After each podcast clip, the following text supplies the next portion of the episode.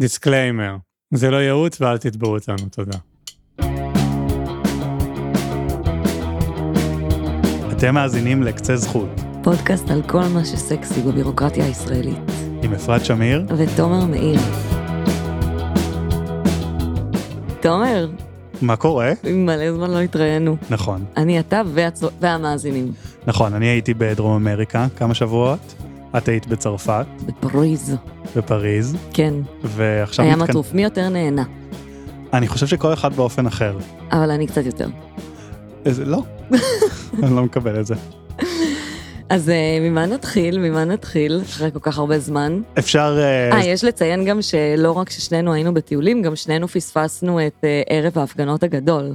נכון, אני כאילו, שטף אותי פומו שלא היה לי בחיים על שום דבר, כאילו, ניקה ממני את כל שאר התחושות בגוף, בקטע דווקא טוב. שנייה, שנסביר, ערב ההפגנות הגדול שאת מדברת עליו, הוא ערב ההפגנה הספונטנית לאחר פיטוריו של יואב גלנט והפריצה לאיילון. בול. אה, כן, גם לי היה שם פומו, הרגשתי כאילו העם מתעורר, ואנחנו לא שם. אני הרגשתי כאילו פספסתי את הכרזת העצמאות, כאילו, נכון. לצערי, יהיו לנו עוד הזדמנויות לזה. כך מסתמן. אה, אני הייתי אתמול אה, בהפגנה, אה, כאילו הרגילה, של מוצ"ש בקפלן, את היית בה? לא נעים לי להודות, אבל לא. אבל לא, בסדר, נו, אפשר to הייתי באיזה rotate. אירוע אומנות קונספטואלי. הבנתי, את היית באירוע אומנות, אני הצגתי אותנו בזה, חשוב שיהיה ייצוג לפחות מאחד מאיתנו כל שבוע. שאלו אותי אתמול, חברה, מה, על מה אנחנו מפגינים. והרי יש משא ומתן, יש הידברות, הרי זה כל מה ש... הרי הימין עכשיו אומר, הנה המחאה ממשיכה, וזה רק מראה שבאמת לא מעניין אותם הרפורמה, אלא הם רוצים להפיל את uh, שלטון ביבי. בעיניי, דווקא המשך המחאה זה דבר כל כך מעודד, כי זה מראה את הבגרות וההתפכחות. ההתפכחות, כן. ההתפכחות ממה שהימין הקיצוני ונתניהו באמת מנסים לעשות פה, כשכמעט לאף אחד אין ספק שהם רוצים להחזיר בכל הכוח את המחאה, אבל הם רק רוצ, רוצים to regroup, כאילו לעצב את הכוחות שלהם מחדש ואת המסרים שלהם, ולהתיש את המוחים. ולהתיש את המוחים, לקוות שהמחאה תדעך, ולחזור בכל הכוח עוד כמה חודשים. כן, זה האמת הפתיע אותי לטובה כמויות המפגינים שהיו אתמול, אף על פי שאני לא נמניתי איתם. אה, נכון, לא משנה, את עדיין יכולה להיות שמחה מזה, ואחד הדברים, אני חושב שהכי הטריפו אתמול את, אה, את אנשי המחאה, או את המחנה הליברלי, סלש הדמוקרטי, הוא המיליציות המתוכננות של מהמם. בן גביר. הרי אה, אה, בוא נסביר את זה רגע, את, את מכירה את האירוע עם המש, המשמר הלאומי, שמדברים עליו גם בלי קשר לבן גביר, גם לפני כן? לא, הסבר לי. אה, יש בהרבה מדינות, למשל בארצות הברית, יש את ה-National Guard, שזה איזה משמר לאומי שהוא כמו כוח שיטור שנועד להתמודד עם כל מיני מצבי חירום. יכולים להיות מצבי חירום, את יודעת, אקולוגיים, יכולים להיות riots, כאילו פנימיים, ובארץ השיח על זה מאוד עלה אחרי שומר חומות, כשראו שהמשטרה ומג"ב לא הצליחו uh, to contain, כאילו את ה... איך אומרים to contain בעברית? להכיל. להכיל, תודה. לא הצליחו להכיל את אה, עוצמות המחאות. ואז היה- דיבור על הקמת משמר לאומי תחת המשטרה, היה דיבור על להעצים אה, את שורות המשטרה בעוד תקנים ועוד אה, משכורות ווואטאבר. אה, אבל עכשיו, כמובן, הכל נצבע בצבע אחר, כי בן גביר, הכהניסט, הוא-הוא השר לביטחון לאומי, אמ, הוא רוצה להיות זה שישלוט במשמר הלאומי הזה, כאשר אנחנו יודעים שחלק ניכר מהמוטיבציה שלו, אנחנו משערים, אבל בואי, אנחנו משערים ב... כן. בסבירות די גבוהה, יש לנו הבנה מול מי אנחנו עומדים, שהסיבה שהוא רוצה לעשות את זה, זה משום שהמשטרה, הוא לא הצליח להכפיף את המשטרה ואת העומד אה, בראשה קובי שבתאי, פשוט לאינטרסים הפוליטיים שלו. כן. קובי שבתאי בעצם שב והצהיר שהסמכות שלו נובעת מהחוק, הוא כפוף להחלטות היועמ"ש ולחוקי מדינת ישראל, ולא לשר בן גביר. בן גביר רוצה למצוא מסלול עוקף משטרה כדי לעשות מה שהוא רוצה, ובין היתר, מה שהוא רוצה לעשות, חוץ מהתעמרות בפלסטינים, אני שם את זה שנייה בצד, זה באופן היותר מיידי בחודשים הקרובים, לסכל את המחאה כאשר היא תצוף מחדש, כאשר נתניהו יעלה, סליחה, דפקתי בוס על המיקרופון. מרוב התלהבות, כאשר נתניהו יעלה מחדש את החוקים האלה להצבעה. סליחה שאני עכשיו במונולוג אה, בלתי אין בעיה. נשלט, אני רק רוצה להגיד שה... דור, תעשה משהו. הקישור של זה אלינו באופן מיידי, נגיד, אם אני מקשר את זה לנושא שלנו, שזה מעין כלכלה פוליטית, ואיך כן. זה בא לידי ביטוי בתקציבי רווחה ובזכויות, זה קיצוץ של 9 מיליארד שקלים, סליחה, קיצוץ של 1.5 אחוז רוחבי מכלל משרדי הממשלה, כן. אמ, פלוס עוד כל מיני תוספות חד פעמיות כאלה, שלא נכנסות לבסיס התקציב, כדי לממן את הדבר הזה. כן, קיצוץ שיורד ממש מקצבאות וכאילו מתקציבים גם של חינוך ושל אה, ביטחון ועוד כל מיני. נכון, הנה, הראו, אה, בכאן 11 כבר הראו את הפירוט, משרד הרווחה 40 מיליון ש"ח, משרד הבריאות 40 מיליון ש"ח, 56 מיליון ש"ח ממשרד החינוך, עוד מהשכלה גבוהה, תחבורה וביטחון. קיצר, כולם יידפקו מזה עבור דבר שהמפכ"ל אומר שלא צריך אותו, שהיועמ"שית אומרת שאסור בכלל לבן גביר לתת את זה, כל המפכ"לים לשעבר אומרים שזה אסון אם זה יקרה, וקיצוץ רוחבי בכלל משרדי הממשלה. לחלוטין. מונולוג במקום, תומר. אה, לא, אה, ותני לי רק והוא לסיים עוד אותו. לא סיים, חברים. לא, רק עם הדובדבן שבקצפת. אני יודע שהשוואות כאלה הן הרבה פעמים פופוליסטיות ופוליטיקאים אוהבים לעשות אותם, אבל אני, הדבר הראש- הראשון שצף לי, כאילו, באיפה הכי הממשלה עוזרת לנזקקים, הדוגמה כאילו, את יודעת, אמנם הפופוליסטית, אבל גם באופן ישיר הנכונה ביותר, סל התרופות. מהמם. סבבה? אה, סל התרופות, יש ועדה במשרד הבריאות שהיא מחליטה מדי שנה אילו תרופות ייכנסו לסבסוד אה, חלקי או מלא של הממשלה. ואז החולים לא יצטרכו לשלם מכיסם סכומים שערורייתיים של כסף על תרופות יקרות, אלא הם יזכו לסבסוד ציבורי. כמה לדעתך, בכ- בכמה לדעתך המדינה מקצה לסל התרופות מדי שנה, או כמה היא הקצתה השנה לתקציב של 2023? אבל אני שונאת שאתה מתקיל אותי, אני רוצה לצאת חכמה בפודקאסט ואני לא יודעת. דור, יש לך הערכה על כמה כסף מדובר? לדור יהיה. איזה הפגנה ביום שני? אה, של גלנט. הוא עוד בתחילת השיחה. הבנתי, טוב, אז שנייה, אז אין נתעלם. לך פרטנרים. אוקיי, אני מקווה שהמאזינים בכל זאת איתי, אז אני רק אסכם את זה כבר ואני אגיד שמדובר ב-650 מיליון ש"ח. מדינת ישראל נותנת 650 מיליון ש"ח של תקצוב לתרופות בשנת 2023, אבל היא נותנת לבן גביר 9 כן. מיליארד ש"ח להקים אוי. מיליציה חמושה אישית שכולם מתנגדים אליה ואין לה שום הצדקה.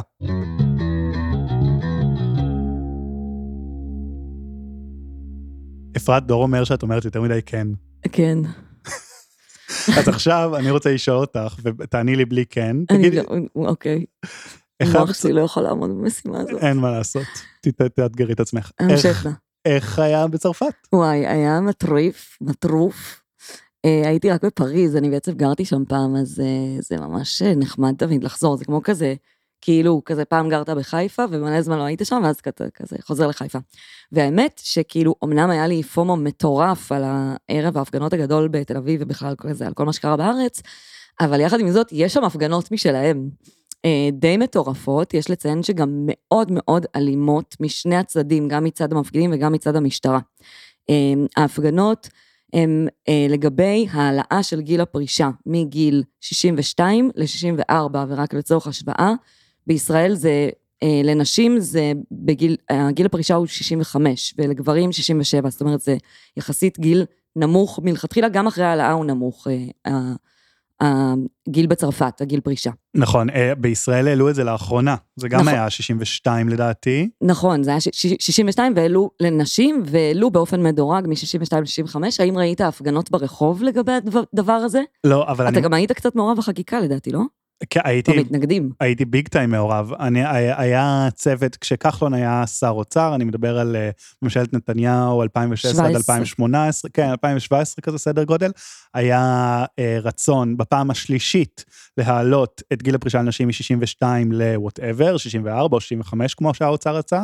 כחלון אמר, אני לא הולך בלי הסכמת הח"כיות הפמיניסטיות מהאופוזיציה כפי שמיוצגות על ידי שלי יחימוביץ', זהבה גלאון ואורלי לוי אבקסיס. כן, כן, היו ימים. אמ, וזהו, אז בעצם ניהלנו משא ומתן עם משרד האוצר על איזה בעצם פיצויים ומענה לנשים המוחלשות ביותר במשק הישראלי אנחנו נותנים. זה לא אה, אה, עלה, לא עלה בידינו. למה? יש חלק, יש פיצויים מסוימים לאנשים שחוו עלייה של אה, גיל הפרישה. אבל רגע, אנחנו קצת, אה, קפצנו קצת קדימה. נכון. מי שלא יודע מה המשמעות של העלאת גיל הפרישה, זה השלב שבו אפשר להתחיל לקבל קצבה מביטוח לאומי, בישראל אני מדברת, פשוט עולה. אז זה אומר שבמקום לקבל, הקצבה לא כזאת גבוהה מלכתחילה, אבל במקום להתחיל כאישה לקבל אותה בגיל 62, נגיד 2,000 או 3,000 שקל בחודש, את תצטרכי להמתין עוד שלוש שנים, או תלוי בגיל שלך, כי זה עולה באופן מדורג, בשביל להתחיל לקבל את הקצבה. יש לזה גם השלכות מסוימות על המשיכה של הפנסיה, אבל זה כזה נושא גדול ו, ומורכב. ובזמנו, תומר רוצה להגיד משהו, ואני גם רוצה להגיד משהו. לא, אז תגידי. אה, ובזמנו לא ראי, היה כאילו, זה היה יותר מין דו-שיח בין התקשורת הכלכלית וכזה, והשמאלית נגיד, לבין משרד האוצר והממשלה. לא ראית אנשים ברחובות בזמנו, ממש לא. ממש לא. ובצרפת, כשאני אומרת שגם המפגינים וגם המשטרה מאוד מאוד אלימים, אני מתכוונת לזה שמפגינים הולכים ושוברים את כל חלונות הראווה של כל הבנקים והתאגידים, וגם של חנויות קטנות ברחבי פריז, בקטע קיצוני. כל הפחים ברחוב מובערים. אם אתה רוצה לצאת בזמן של הפגנה, גם ההפגנות מתחילות ב, בשלב מאוד מוקדם, משום מה, של היום. אם אתה רוצה לצאת סביב שבע ביום של הפגנה, או סביב שש, אתה לא יוצא בלי מסכה וטיפות עיניים, כי כל הרחובות וואו. מלאים כאילו בכזה אמצעים לפיזור הפגנות, כמויות פסיכיות של שוטרים, ידוע, כאילו, וזה הכל, אה, אני נותנת פה זווית שהיא גם תרבותית במובן מסוים, כזה חברים צרפתיים שלי שגרים שם, כזה חיים את זה. אמ, זה, זה ממש כאילו, ממש נוכח, ממש חזק. לי זה קצת היה נראה כאילו, טוב, אני גם קצת עם הראש הקפיטליסטי שלי כזה, וואו, איזה בכיינים, כאילו, טוב שלא העלו לכם ביומיים את הגיל פרישה, זה גם ככה נמוך, זה, זה קצת אה, הרבה פעמים קול שאני גם מבטאת פה מולך, והם דבררו את הצד שלך בתוך המשוואה. הם אמרו, את לא יכולה לבחון את זה בתור רק מהלך אחד שעשו, בגלל שאין תקציב, אז דוחים את גיל הפרישה. זה תהליך ארוך, שיש לו קונטקסט ארוך והיסטורי של כרסום של מה זה אומר להיות מדינת רווחה. אה, ולכן אנחנו מוחים. וגם יש שם עוד איזה היבט, שכאילו, אני אומרת אותו באיזה טון שולי, הוא לא שולי, שההחלטה הזאת היא עברה רק על ידי אה, מקרון, הנשיא, לבד, באמצעות שימוש באיזה סעיף חקיקה שמאפשר לו להעביר חוק בלי אה, בעצם אה, לקבל את הסכמה רחבה על החוק הזה. סעיף שמיועד בשביל להעביר דברים שקשורים נגיד לקורונה או למצב חירום, והוא ניצל אותו פשוט בשביל, אה, אה, בשביל לה, לה, לעשות את המהלך הזה, וזה מה שהצית ככה את ההמונים. אז מה, אז אה, כאילו, גם שיקפת כאן את העמדה שלך, שאת חושבת שזה בכייני? הם קצת שכנעו אותי, האמת, אה, ש... שמה? שזה יותר, קודם כל שהשימוש ב, ב, בסעיף הזה של החוק שמאפשר לו להחליט לבד הוא לא דמוקרטי בעליל.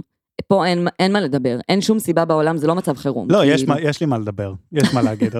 א', תמיד יש מה לדבר, וב', יש מה לדבר גם עכשיו. כאילו, אפשר לשקף אה, איזו סיטואציה שבה הצרפתים הם לדעתי עם נטל אה, החבות הפנסיונית למבוטחים כ- כאחוז מתקציב המדינה, לדעתי הכי גדול ב-OECD או במערב אירופה, כלומר, הפנסיות שלהם נדיבות, הם רואים את זה כדבר שהוא...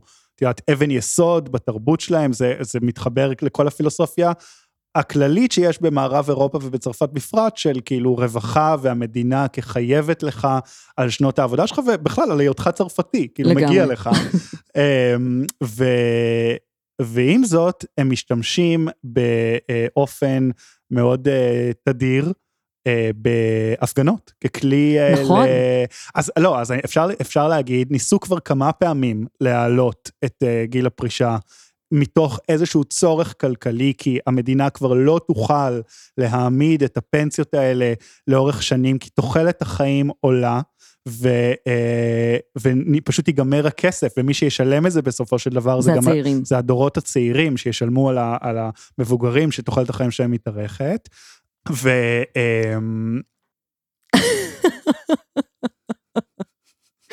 שהוא- תומר פה במועל יד, הוא פשוט נתקע עם אה, מועל יד. לא, אז הטיעון הוא, אוקיי, הטיעון לדעתי המקרוני, הוא ניסו לעשות את זה כבר כמה פעמים, זה כן, ברור זה שזה מצב צריך חירום, אני להיעשות. מבינה מה אתה אומר, זה מצב חירום ולכן אני צריך להשתמש בסעיף הזה לא ולא להעביר את זה בהסכמה רחבה. לא רק זה, גם מקרון יש לו מעין איזה פילוסופיה כזו, לפי מה שאני הבנתי שהוא אומר, אני אה, לא נכנע לרחוב, הרחוב הוא משומש יותר מדי ב, בשיח הציבורי הצרפתי, והוא גם, את יודעת, מט- מטבעו הוא גם קצת יותר פופוליסטי. עכשיו זה, קש, זה קצת צבוע להגיד את זה כשאנחנו כאילו כל שבוע בזה, אבל לדעתי באמת יש מקום לגוונים. ובגוון הזה, כן, המחאה הזאת היא פופוליסטית, המחאה הזאת לא רואה, עכשיו לא, אני... המחאה הצרפתית. המחאה הצרפתית, יש בה משהו פופוליסטי, לחיוב ולשלילה. מבין את הפילוסופיה, מבין את הרצון להגן על אורחות החיים שלהם, אבל גם מבין את מקרון שאומר, די חבר'ה, בואו, אין יש, כסף, יש בואו. צחוקים ויש חלאס. לגמרי. אני לקחתי את זה באמת יותר, כאילו גם uh, באתי כזה עם הציניות שלי ועם הביקורת, ויש לי גם ביקורת כאילו על המוחים, בטח על האלימות הזאת, כאילו מי היה חושב בישראל ללכת ולשבור את החלונות ראווה של כל הבנקים? זה כאילו לא, לא דברים שקורים פה. אין לנו את זה, כן. אין, we, we don't have it in us. Um, אבל uh, זה גם היה מגניב לראות כאילו גם אושיות כזה בתרבות, וזה צעירים, פשוט יוצאים לרחובות על פנסיה, כאילו על הנושא הכי משעמם שכביכול אה, קיים בעולם הזה, לאנשים שהם לא אני. Uh, זהו, אהבתי, לייק, בגדול. מטורף, מטורף השיקוע של ה- כאילו המאפיינים התרבותיים החברתיים, באיך זה מעצב את השיח הפוליטי-כלכלי, וכמה הדבר הספציפי הזה פשוט לא קיים אצלנו. לחלוטין. אז מה, תומר, אתה חוזר לעבוד בעצם? אה, נכון, ממש מחר. וואי וואי, סופה של תקופה. נכון, זה גם תקופה עבור הפודקאסט, כי בעצם הפרק הראשון שלנו החל מזכויות של מפוטרים ואבטלה, נכון. ועכשיו על מה נדבר? נדבר על, אה, לא על זכויות, על אה, התהליכים שצריך, גם על זכויות בעצם. הסתבכתי בתוך עצמי. אנחנו נדבר על אה, אה, רצף של דברים שצריך לעשות כשמתחילים עבודה חדשה, שהם גם חוסכים לנו כסף וגם מסדרים את הבירוקרטיה שלנו בהקשר הזה. תוך כדי שאמרת כזה, שאנחנו מלווים אותך בתהליך הזה, דמיינתי אותנו כזה יושבים פה בגיל אה, 67, כזה ביום שבו אתה פורש, הלוואי וזה יהיה 67. זה לא יהיה. יואו, יש כל כך הרבה שנים עוד לעבוד. מדכא. תחסוך יותר, נשמה, תפרוש מוקדם. אז איך היה? איך, אה, מה, מה, מה יש לך לספר? לא, יש לי לספר, אה, מעניין אותי לשמוע מה הרצף, כי אני כאילו רוצה לדעת. אה, אבל אני יכול להגיד לך מה הדבר הראשון שאני עשיתי. מה הדבר הראשון? אני עשיתי תיאום מס לפני תחילת עבודה. הופלה. רוצה לדעת למה? למה? אני... אני יודעת האמת. בסדר, תעשי כאילו לא. עושה כאילו. מה, ספר. אני אספר לך. אני אה, קיבלתי, אה, כשפוטרתי מפייסבוק בסוף 2022, קיבלתי מענק, אה, פיצ... הם קוראים לזה פיצויים, זה לא באמת ה- איך שאנחנו מתייחסים לפיצויים, שזה הרכיב ה... של הפיצויים. בחיסכון הפנסיוני, שאפשר לשחרר או לא לשחרר, אלא איזשהו מענק שפייסבוק נתנה לך אם פוטרת. ואני קיבלתי אותו בתחילת אה, 23, ושילמתי עליו שיעור מס גבוה. שהוא כאילו העריך, כאילו המשכורת שלי ממשיכה להיות מאוד גבוהה, או כאילו ממשיכה להיות גבוהה ב-2023. ואני באתי לרשות המיסים ואמרתי להם, חבר'ה, זה היה מענק חד פעמי. וכל החודשים מאז לא, הרו... לא הרווחת מהעבודה, הרווחת מהקצבת אה, אבטלה, אבל לא כזה גבוה כמו המשכורת שלך. נכון, ואמרתי, אה, זה, זה כאילו, הפילוסופיה כאן היא, שילמתי יותר מס ממה שאני אמור לשלם right off the bat, כי אתם הערכתם כבר בתחשיב כאילו אני ממשיך להרוויח משכורות כמו שהרווחתי בפייסבוק, אבל לא כך, ואתם ישר גביתם ממני המון, שיעור מס מאוד גבוה, אז אני פניתי לרשות המיסים, ביקשתי תיאום מס, אפשר לעשות את זה באינטרנט בצורה די פשוטה, זה מעין סוג של צ'אט שאפשר לכתוב בו, אגב, עד 250, אני לא יודע, 250 מילים, או כן, 250 מילה. אה, או 250 אותיות, זה אני לא יודע. קריטי, אני רוא- דורשת לא, שתבדוק. כי אה, מלא פעמים זה כזה נתקע לי באמצע, וכזה הייתי צריך כזה לקצץ כזה מילות קישור לפקיד השומה. ו... אבל בסופו של דבר הצלחתי, ובעצם רק הגשתי להם את, אה, תראו, זה מה ששילמתי, זה תלוש המשכורת שלי ל-2023, שבו רואים את המענק הזה, רואים את שיעור המס הגבוה ששילמתי, הם ביקשו ממני טופס 106 לשנת 2022, למרות שזה לא היה קשור, עוד מעט תסבירי מה זה. רגע, אתה מגזים קצת עם הטפסים, אנשים לא יודעים איך מחשבים סליחה, להם את המס. אני צודקת. יכולה רגע? את יכולה הרבה רגעים. אני עושה, אני עושה רגע ריקאפ. כן. בעצם מה, ש, מה שאתה מסביר פה, זה שהאופן שבו גובים מס מאנשים בישראל, לא מותאם לאופן שבו מחשבים כמה מס אתה אמור לשלם. Hmm. חישוב המס הוא חישוב שנתי, והוא הולך לפי בעצם הכנסה ממוצעת לחודש. זאת אומרת, בן אדם שמרוויח חצי שנה 20 אלף שקל בחודש, וחצי שנה אפס, הוא ישלם בדיוק אותו סכום של מס כמו בן אדם, אמור לשלם, בדיוק אותו סכום של מס כמו בן אדם שמרוויח 10,000 שקל כל השנה. מהמם. זאת אומרת, החישוב הולך לפי משכורת ממוצעת, בעצם לפי הכנסה שנתית, ולפי מדרגות. עכשיו, מה קורה הרבה פעמים אצל שכירים שמחליפים עבודות ומשתנה להם המשכורת, או שיש להם חודשים בלי, בלי משכורת בכלל? בחודשים שבהם הם עובדים לוקחים מהם, מהם מס כאילו זו המשכורת כל השנה, ואז בחודשים שבהם הם לא עובדים, זה לא שמישהו בא להחזיר להם את המס הזה שהם לקחו מהם יותר מדי, כי, כי בעצם המשכורת הממוצעת שלהם נמוכה יותר. ולכן יש כל מיני תהליכים שצריך לעשות בשביל לבוא ולבקש את הכסף הזה בחזרה. לצערי הגדול, לשכירים, זה לא קורה באופן אוטומטי. היה איזה מהלך לאחרונה של רשות המיסים של לבוא וכזה לשלוח, קראו לזה מעטפות הירוקות, לשלוח לחלק מהאנשים שיש סיכוי שהם שילמו יותר מדי מס, שיבואו להגיש בקשה להחזר מס וכזה, אבל אנשים לא עושים את זה, לא מודעים לזה, לא מכירים את אה, אופן החישוב, ולכן באמת בסיטואציה כמו שתומר אה, עמד בה או עומד בה, יש בעצם לבוא לרשות המיסים ולספר להם, הם לא יודעים מעצמם, הם לא מחוברים לחשבון בנק שלכם ולא שום דבר, לבוא ולספר להם מה קרה פיננסית בחודשים האחרונים בחייכם, ו... ואז הם בעצם עושים את החישוב הנכון. עכשיו אתה יכול לחזור לסיפור שלך. לא, זה ממש אה, הבהרה מעניינת שגם חידשה לי. אה, אני רוצה להגיד שבאמת אה, היו שתי אופציות בפניי, שאני חשבתי שיש רק אחת, אבל את הסברת לי שיש את השנייה. אופציה אחת שהיא לדעתי זאת שהרוב מכירים, היא לבוא בסוף שנת המס, קרי ב-2024, תחילת 2024, ולבקש תיאום מס על שנת 2023. לבקש החזר מס. החזר מס. רגע, החזר מס זה כשהסתיימה השנה הקלנדרית, ואז אני הולכת לבקש עבור שנה קודמת, אפשר עד שש שנים אחורה, ואני אומרת, תסתכלו, אני מגישה לכם את כל הנתונים על השנה הזאת, שילמתי יותר מדי מס, תחזירו לי כסף. זה בדיעבד בעצם, אחרי שהשנה הסתיימה. בדיוק, אבל מה החיסרון של זה? שזה קורה כעבור שנה. נכון. ואני אמרתי, לא, הולכת להיות לי כאן איזשהו זיכוי שאני רוצה לקבל אותו בזמן אמת, ואת אמרת לי, הופה, יש לך אפשרות לעשות את זה. מעולה. אז בעצם מה שעשית זה תיאום מס. תיאום מס זה שאנחנו בזמן אמת, תוך כדי השנה, אנחנו אה, פונים לרשות המיסים, מראים להם הוכחות על ההכנסות שהיו לנו עד כה, או ונותנים איזה תחזית על ההכנסות שיהיו לנו בהמשך השנה, ואז הם אומרים, אה, סבבה, קלטנו, שילמתם יותר מדי, לא שילמתם בכלל, נעשה לכם חישוב עכשיו בזמן אמת, את החישוב הזה תיתנו למעסיק שלכם, וככה המעסיק יוכל להוריד מהמשכורת שלכם כל חודש כמה שבאמת אתם אמורים לשלם. אז זה בעצם מה שתומר עשה, וככה הוא זכה לקבל בעצם, אה, כאילו לא לחכות עד סוף השנה בשביל לקבל חזרה את היותר מדי מס שהוא שילם.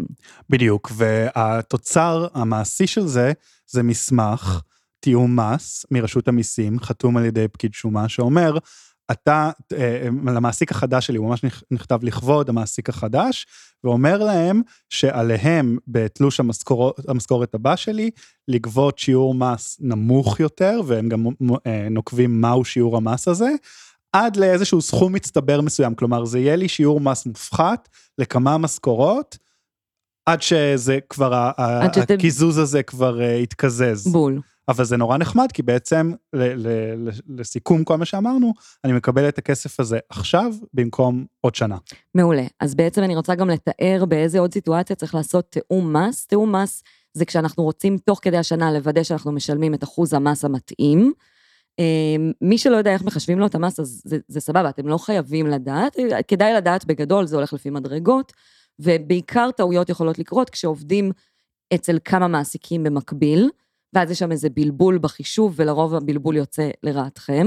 אז צריך לעשות רגע אישור קו ולספר לכל מעסיק כמה מס הוא אמור להוריד. או כמו ו- שאמרת, כשיש הפסקות תעסוקה. או, בדיוק, או כשיש הפסקות אה, לאורך השנה, או שינויי משכורת לאורך השנה בין, במעבר בין מעסיקים שונים. מהמם. אז זה תיאום מס, זה תוך כדי השנה, וזה פשוט לבוא לרשות המיסים, ת, ת, תביאו לי אישור שאני אתן למעסיק, בשביל שידע כמה מס הוא צריך להוריד לי. וזה שוב גם, אה, אני מזכירה משהו שנראה לי אמרתי בפרקים הקודמים, של אנחנו חיים באיזה מיסקונספציה של כולם מדברים עם כולם, כולם יודעים הכל, למה זה לא מסתדר אוטומטית, הם פשוט לא יודעים. מה שאנחנו לא באים לספר לרשות המיסים, הם לא יודעים. מה שאנחנו לא מביאים אישור למעסיק שלנו של אלה היו ההכנסות שלנו לפני כן לאורך השנה, הוא לא יודע. ולכן אנחנו צריכים לתפקד בתור איזה גורם מתווך בין הגופים האלה. בקטע קצת אה, מדכא ומתיש, אבל אה, זאת, אה, זאת הסיטואציה. אז אה, תני לי לשאול אותך, אפרת, מהמם. מה עוד עושה בן אדם שמתחיל עבודה חדשה? מעולה. אז בעצם יש לנו את התיאום מס במידה וזה רלוונטי לעשות אותו, ויש לנו טופס שנקרא טופס 101, שצריך למלא אותו כשמתחילים לעבוד אצל, אה, אצל מעסיק חדש, וגם אה, בכל ינואר, אם אתה ממשיך אצל אותו מעסיק, אז בינואר תצטרך למלא אותו מחדש. גם כאן, זה הכל אותו, אותו שטנץ. רשות המיסים והמעסיק צריכים כל אחד מהם לקבל את המידע בשביל לדעת כמה מס להוריד לך. אז בסוף הטופס של, הטופס 101, זה טופס שאתה ממלא בו את כל המאפיינים שלך, בשביל שהמעסיק ידע איזה הטבות מס מגיעות לך. ובהתאם למה שמילאת שם, ככה הוא אמור לקבוע את האחוז מס שהוא גובה ממך. אם אתה מצרף לזה גם תיאום מס, אז הוא גם יעשה לפי התיאום מס בעצם. למשל, אה, דבר שיכול להיכנס לשם, זה משהו שדיברנו עליו, נק- נקודות זיכוי במס על ילדים. על ילדים, נכון, כי אתה מסמן שם כמה ילדים יש לך.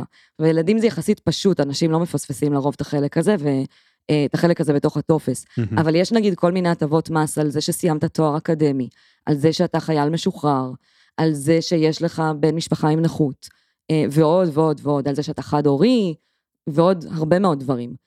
יש שם בעמוד השני כזה רשימה של צ'קליסט, צ'קליסט כזה שאתה יכול אה, לסמן, אז אני ממש ממליצה לקרוא את הכל, למלא. מה שלא תסמנו, אם מגיע לכם איזה הטבת מס ולא סימנתם אותה, אה, זה כאילו אתם יכולים, אם תגלו את זה בעתיד תוכלו לבקש החזר, אבל אף אחד לא יבוא להגיד לכם, שימו לב, מגיע לכם ולא, ולא מילאתם. ברור, חובת ההוכחה עליכם. ממש כך.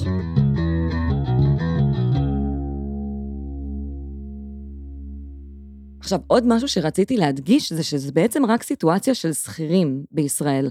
מה קורה עם עצמאים, או אפילו עם מי שנשוי לעצמאי? עצמאי מחויב בסוף כל שנה להגיש דוח שנתי. דוח שנתי זה טופס שבו העצמאי מספר לרשות המיסים על כל האירועים הפיננסיים שקרו בתוך העסק שלו לאורך השנה. כמה הוצאות היו לו, כמה הכנסות היו לו, כמה כסף הוא הפקיד לפנסיה, אם הוא הפקיד, וכן הלאה.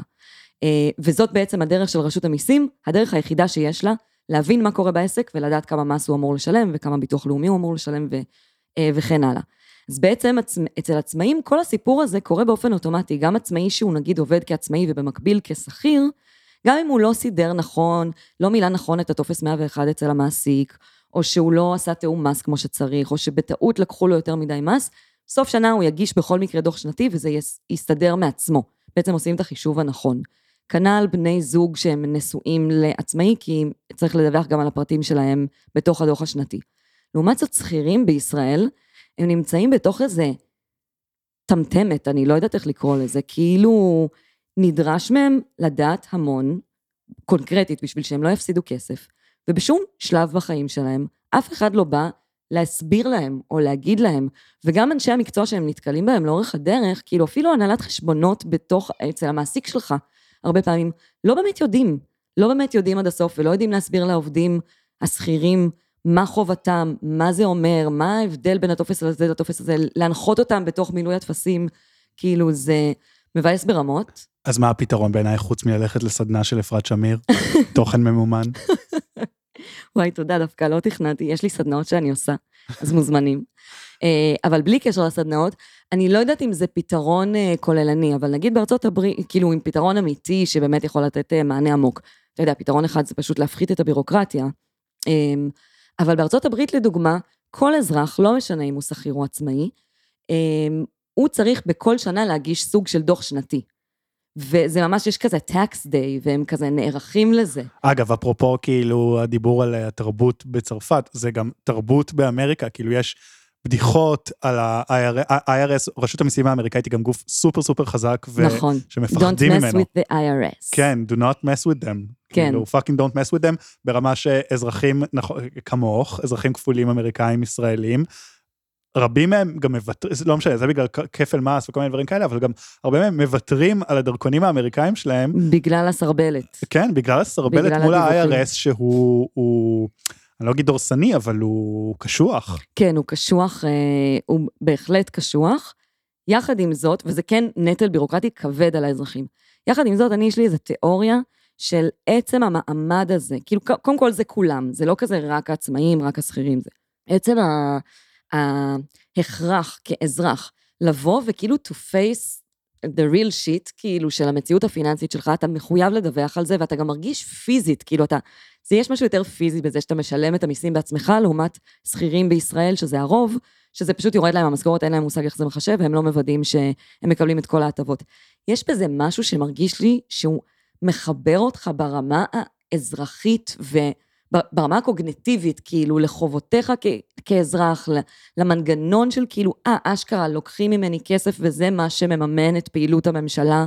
ל, אה, כזה לכל הצעדים שהיא, שהיא לוקחת ולכל התקציב שלה. את אומרת, זה מגביר את השריר האזרחי שלך. אני, אני, יש לי איזו תיאוריה כזאת שכן, יש לי איזו חוויה כזאת שכן, במחיר של עלות בירוקרטית, אבל, וגם אתה יודע, יש סיכוי מסוים שיש לזה קשר כזה לכמה החברה הזאת קפיטליסטית, זה הרבה יותר כואב בכיס שאתה משלם מיסים, כשאתה אשכרה צריך לבוא ולגהץ את האשראי שלך עליהם, ולא כן. כשזה יורד אוטומטית במשכורת. אני חושב שאולי יש לך תשובה לזה, אני מניח שלא, אבל היה ממש מעניין לבחון האם באיזה שיטת דיווח, הזו האמריקאית, שהיא לגמרי חובת הדיווח, היא על האזרח שצריך לעשות סדר מדי שנה בפייננסס שלו, וכפונקציה של זה איזה טקסט הוא צריך או לא צריך לשלם, לעומת הגרסה היותר מסורבלת הישראלית שבה השכיר... ניקוי במקור, כאילו, כן, שיטה של ניקוי במקור. של ניקוי במקור שמורידים את הישראלית. המיסים אה, אוטומטית מהמשכורת. מעניין בממוצע שתי שאלות. א' כל, איפה יש יות, אה, תשלום מס עודף שלא צריך, גביית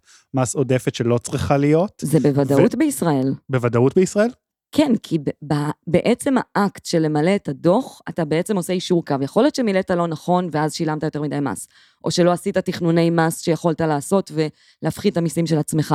אבל עצם האקט של להגיש את הדוח זה בעצם לזרוק את כל המידע על רשות המיסים, והיא זו ש, אה, שכזה, ש, שמטפלת בזה ועושה את החישוב האמיתי במרכאות. אוקיי, וכאילו, זה קצת, אני סתם, אני מנסה לחשוב על השכבות החלשות או המוחלשות בארצות הברית. איך הן מתמודדות עם זה? כן, מה קורה יש שם? מגזר פרטי של הרבה מאוד חברות שעוזרות לעשות את ההגשות האלה, לא רואי חשבון, כאילו ממש חברות כאילו ברמה של אוטומציה של הטפסים, מהמם. ושמנחים אותך כזה כל סעיף מה לשים איפה, או שזה ממלא אוטומטית. כמובן יש גם רו- רואי חשבון, אבל כאילו המגזר הפרטי נכנס לשם וכזה מנסה להפחית את החיכוך בין האזרחים לבין המערכת הבירוקרטית המסורבלת הזאת. אז אנחנו נעשה פינת ה... נעשה סנדוויץ'. פינת היקיצה א', פינת העקיצה ופינת היקיצה ב'. אה, אוקיי, אז האלף זה אני? בול. אוקיי. אז אני כן רוצה להגיד את הדבר הזה של בהקשר של כמה ה-IRS הוא אה, דורסני, וגם כמה בירוקרטיה זה מגוחך. הסתובב לפני איזה תקופה אה, בטוויטר אה, צילום כזה מתוך ההנחיות של הרשות, IRS, אה, רשות המיסים האמריקאית כאמור. הס- אה, הסתובב כזה אה, ציטוט מתוך ההנחיות של איך למלא את הדוח. אני אקריא אותו באנגלית עם אה, מבטא גרוע, ואז נתרגם. אה, אז ככה, stolen property. If you steal property, you must report its fair market value in your income in the year you steal it, unless you return it to its rightful owner in the same year. תרגום, תומר. אה, רכוש גנוב, דווח עליו בטקסט פייל שלך ותשלם על זה מס, אלא אם החזרת את הרכוש הגנוב. ויש גם uh, עוד אחד כזה על, על illegal activities, שכאילו יש הכנסה מפעילויות בלתי חוקיות, כמו לדוגמה, הכנסות מ- uh, מסחר בלתי חוקי ב, uh, בסמים, אז גם את זה צריך לכלול בתוך ההכנסות שלך, בטבלה אחד, בטופס uh, 1040 וכן הלאה. זה, זה serious as shit, כאילו, זה לא, כאילו, אני לא, you can't make this shit up. you gotta love אמריקה. איזה אומה, איזה אנשים ואיזה מנגנונים הם המציאו. פשוט מפואר. כן, אז זה היה יקיצה אחד, מה עכשיו? אני, עקיצה. אה, קודם כל, זה היה יותר מדי טוב, אז יקיצה ב' אני לא אעשה, אבל אני רוצה לשמוע את העקיצה שלך. אה, את העקיצה, כבר אמרתי לך, אתה לא ניצלת אותה השנה כי אתה עצלן. אמ, אמרנו שבעצם יש אפשרות, אם פספסתי הטבות מס בעבר, ויש המון המון הטבות מס, אני גם אנצל את ההזדמנות להגיד לכולם ששווה להיכנס לאתר כל זכות, יש שם פורטל של נקודות זיכוי, ונקודות זיכוי זה בעצם כל ההטבות שיש אה, אה, בהקשר של מס, הכנסה. שווה לרפרף על זה, לראות אם יש דברים שפספסתם אולי בשנים האחרונות, אפשר להגיש עד שש שנים אחורה. בקשה כאילו לקבל חזרה כסף של מיסים ששילמתם יותר מדי, כי לא חישבו את המס נכון, או כי לא ידעתם על הטבות שמגיעות לכם ולא דיווחתם על זה למעסיק. אמ, בכל אופן, כשמבקשים בקשה של החזר מס, כסף שבעצם רשות המיסים חייבת לי כאזרחית, נגיד על שנת 2020, על כל שנה שחלפה מאז, והיה כסף בקופת המדינה שהם היו חייבים לי, כלומר, אני אדגיש, אני כאילו, אפרת כועסת עליי, אבל אני רוצה לקנקרט. אוקיי. אני, אה, אה, רשות המיסים חייבת לי עשרת אלפים שקל מ-2020, שלא דרשתי מהם. מוש. עכשיו, מאז 2020, כל שנה שחלפה, הכסף הזה צבר 4% בשנה, צמוד גם לעליית המחירים במשק. זאת אומרת, זה יותר, מ... זה יותר מ-4%. אשכרה, לא ידעתי שזה גם צמוד למדד. זה צמוד למדד. וואו, אני באתי עכשיו- להגיד לך, באתי לכעוס עלייך ולהגיד לך, אבל הריבית היא בערך אותו דבר או יותר גבוהה, אני לא יודע כמה הריבית בישראל היום, אני גם... בערך באותו... לא, באות- אבל האינפלציה הרבה, הרבה יותר גבוהה זהו. אז מ- את אומרת האינפלציה אבל זה גבוהה, צמוד. זה נכנס למדד, כן. וזה שווה. לא, זה ריבית, זה שווה מאוד, זה ריבית מטורפת. 4% בשנה על משהו שהוא כביכול בלי סיכון, זה רק הסיכון שתשכח לקחת את זה. אז יש אנשים, יש אנשים שהעקיצה שהם עושים זה שהם יודעים שרשות המיסים חייבת להם כסף, או אפילו יוצרים בכוונה מצב שרשות המיסים תהיה חייבת להם כסף. מחכים, מחכים, מחכים, שש שנים. בתום שש השנים מגישים בקשה להחזר מס על השנה הכי אחורה שאפשר לבקש, ואז הם בעצם צברו כסף אה, על החוב של רשות המיסים אליהם. בדיוק כמו שכשאני חייבת כסף לרשות המיסים, אני משלמת להם ריבית, אותו דבר רק הפוך. רגע, לפני שאתה אומר את מה שיש לך להגיד, אני רק אציין שאת התעלול הזה למדתי לראשונה, מ... אני לא אנקוב בשמו, אבל מכלכלן בכיר במשרד ראש הממשלה, שהיה הולך ומתפאר בזה שהוא משתמש במדינת ישראל כמכשיר השקעה, הוא בכוונה לא עשה תיאום מס, בשביל לשלם יותר מדי מס, בשביל שייווצר חוב של רשות המיסים אליו, בשביל שהוא יוכל לקבל 4% בשנה על הכסף הזה. 4% פלוס מדד. פלוס מדד. אמ, זה מדהים, משום שזה בדיוק תעלול מס כזה שאו טייקונים ואוליגרכים עושים, או אפרת שמיר. כאילו אין מצב שה-average Joe בישראל עושה את זה, אבל הנה עכשיו הוא ישמע ויעשה. לגמרי. האמת שכאילו יש יותר ויותר אנשים שמכירים את התעלול, אבל, אה, אבל כן. לא משנה, כאילו. קונספטואלית. כן. אה, אבל אה, אני רק רוצה, אז בעצם אם אנחנו מתחברים לתחילת השיחה שלנו, את אומרת, היה עדיף לי לא לעשות את תיאום המס הזה. אני ציינתי את זה בפניך several times, וגם עשינו לך חישוב, של, וגם לפני שהתחלת את העבודה הקודמת, עשינו לך חישוב של כמה כסף, ואתה פשוט אוליגרך בעצמך, אז היה כסף קטן מבחינתך, ואמרת, אין לא לי כוח, נכון. אין לי, אין לי, אין לי. זה א- כל את משקרת. ב', אני עדיין, יש לי את הכסף הזה מ-2021, שזה שלא זכור ביקשת. לי שלא ביקשתי בכוונה ואני לא מבקש אותו, ושיחפשו אותי ב-2027? כן. ב-2027. עכשיו לא עשיתי את הקישור הזה, סליחה. אני אמרתי לך, נשמה. לא, לא חידדת. ואתה אמרת, יש לנו בוואטסאפ עדויות, יש עדויות בוואטסאפ. לא עשית לי מאזינים. ומאזינות, אני פה ניצחתי את הוויכוח, אין מה לומר. אה, דבר אחרון שאני רוצה לציין, כל מי שמתכנן להגיש בקשה להחזר מס, עלול לצאת מצב שאתם רוצים לבקש שהם יחזירו לכם כסף, אבל בגלל כל מיני דברים שקרו, בעצם אתם חייבים להם. זאת אומרת, לא שילמתם מספיק מס. גם בריבית אתה, אתה מחזיר להם בריבית? אתה מחזיר את זה גם עם ריבית. ריבית כן. פלוס מדד? אה, וואי, אני לא יודעת, אבל ריבית, אה, נראה לי שכן. טוב, תבררי ותגידי לנו בפרק הבא. אה, הנה עוד עקיצה, אם אתם צריכים להחזיר כסף ושמו על זה ריבית פלוס מדד, תכתבו מכתב בכתב יד, שאתם כזה מת- מתנצלים, רועד כזה, מבינים. מכתב בעיפרון כזה, עם כתמים של דמעות גם על ה-. ודם, ודם. ויש סיכוי טוב שכזה יפחיתו לכם את הקנס וכזה. בכל אופן, לפני שמגישים בקשה להחזר מס, או לעשות את זה בעזרת אה, רואה חשבון, או איזה חברה שעושה, מלווה בתהליכים האלה, או לבדוק בעצמכם בסימולטור של רשות המיסים, שלא יצא שאתם חייבים להם כסף ואתם מתנדבים לבוא לשלם את זה בחזרה. לא ולא. זה הסיפור. עד כאן קצה זכות. תודה לדור קומט על ההפקה והעריכה, לצוף בר-און על הלוגו המהמם, לשם הפודקאסטים על ההפצה הדיגיטלית, לסדנת מה מגיע לי, שאני מעבירה ואתם צריכים לבוא אליה, כי זה אחלה סדנה, אה, למי שצריך אה, להתמודד עם הבירוקרטיה שלו. ו... לסיום, נקדיש לך את השיר "לא הבנתי דבר".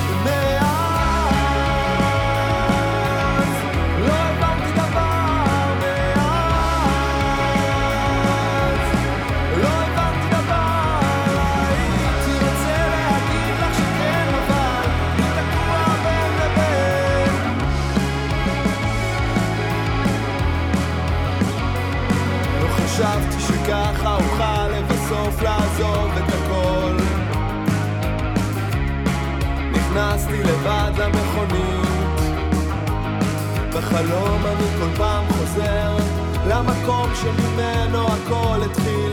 נוסע מהר ברוורס, פוחד להחליט